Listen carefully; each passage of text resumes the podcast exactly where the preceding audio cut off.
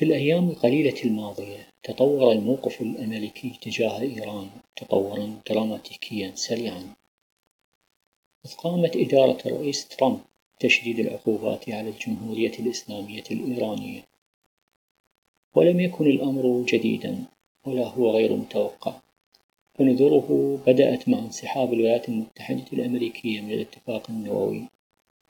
وكان من المتوقع أيضًا أن يكون الموقف الحكومي العراقي هو مسك العصا من الوسط والالتزام بتلك العقوبات، رغم اعتراف رئيس الحكومة الدكتور العبادي أنها أي عقوبات ظالمة ولا يتعاطف معها، وعلى المستوى الشعبي اختلف موقف أبناء الشعب العراقي وفقًا للصورة النمطية التي كونها الإعلام عن إيران. الشيعة المرتبطون بأحزاب متعاطفة مع الجارة الشقيقة وغير المرتبطين يتفقون أن العقوبات ظالمة، لكن الفريق الأول انفرد بأنه هاجم الموقف الحكومي، بل وصف إيران بأنها حسين العصر وأن الموقف الحكومي هو مع يزيد. جهة شيعية أخرى يتبعها جمهور تغذى على بغض هذه الدولة تشاركه الفئات الشيوعية والبعثية وبعض من تأثر بالدعاية السعودية ذهبوا إلى أبعد من ذلك بالشماتة بتلك الدولة.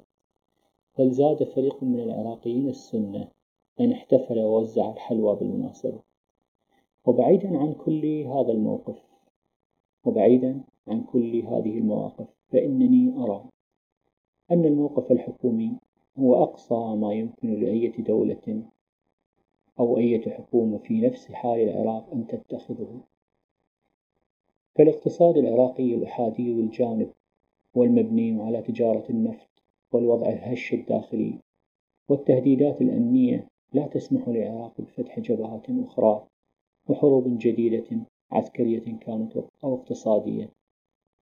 إضافة إلى أن العراق قد خرج للتو من مواجهة عسكرية مع داعش داعش أعتى قوة إرهابية أنتجها عالم الإرهاب وخلفت تلك المواجهة من الشهداء والجرحى والأرامل واليتامى الكثير.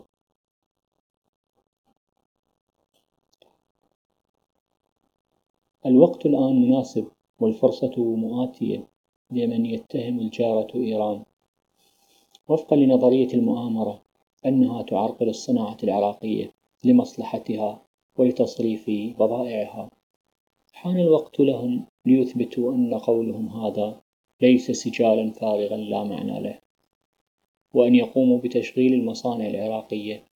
وأن يغزوا هم السوق الإيرانية. باعتبارها بلدا محاصرا لا حول له لا حول له ولا قوة. وقد قلمت مخالبه التي يدعون أنها كانت تؤذي العراق.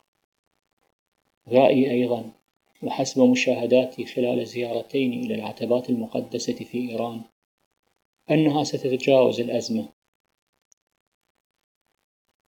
رغم شدتها ورغم تهاوي التومان الإيراني وقد شاهدت خلال الزيارات آلاف الهكتارات مزروعة وقد ذللوا الصعاب في الحصول على مصادر المياه مصانعهم تعمل وتنتج شعبهم عامل وليس كسولا. حتى الكهل والشيخ يعمل. فهزيمة هكذا شعب هو أقرب للمستحيل.